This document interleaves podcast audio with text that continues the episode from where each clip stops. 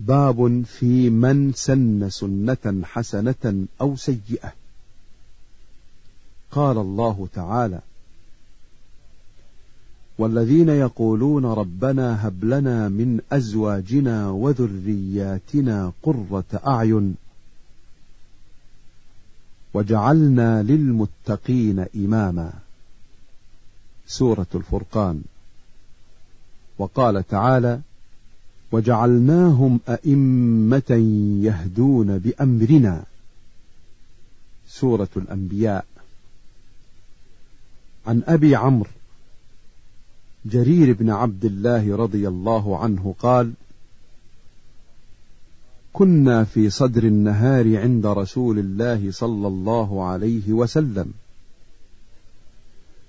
فجاءه قوم عراة مجتاب النمار أو العباء متقلد السيوف عامتهم من مضر بل كلهم من مضر. فتمعر وجه رسول الله صلى الله عليه وسلم لما رأى بهم من الفاقة. فدخل ثم خرج. فأمر بلالا فأذن وأقام. فصلى ثم خطب. فقال يا أيها الناس اتقوا ربكم الذي خلقكم من نفس واحدة إلى آخر الآية. إن الله كان عليكم رقيبا. والآية الأخرى التي في آخر الحشر. يا أيها الذين آمنوا اتقوا الله ولتنظر نفس ما قدمت لغد.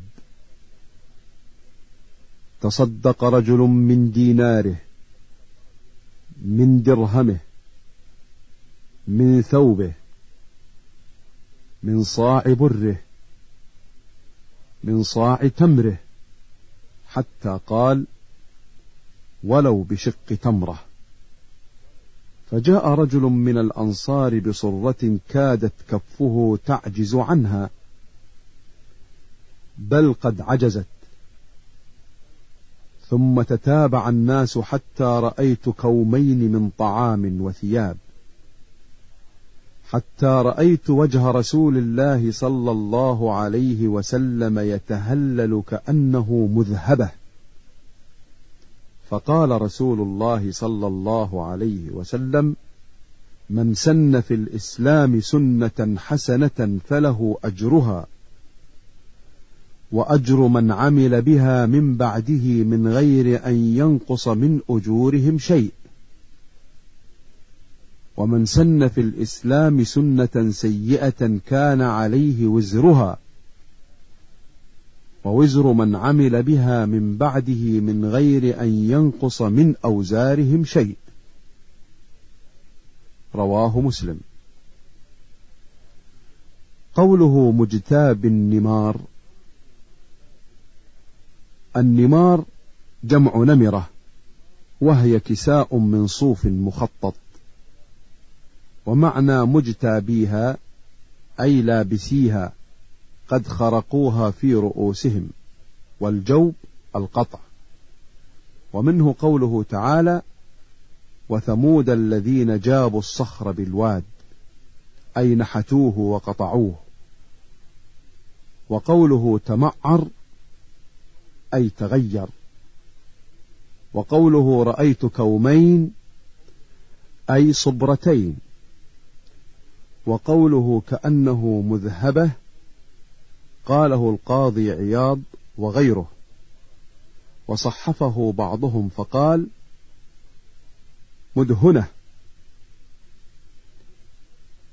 والصحيح المشهور هو الأول والمراد به على الوجهين الصفاء والاستنارة.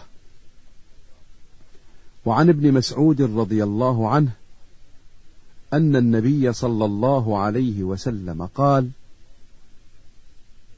ليس من نفس تقتل ظلما إلا كان على ابن آدم الأول كفل من دمها لأنه كان أول من سن القتل.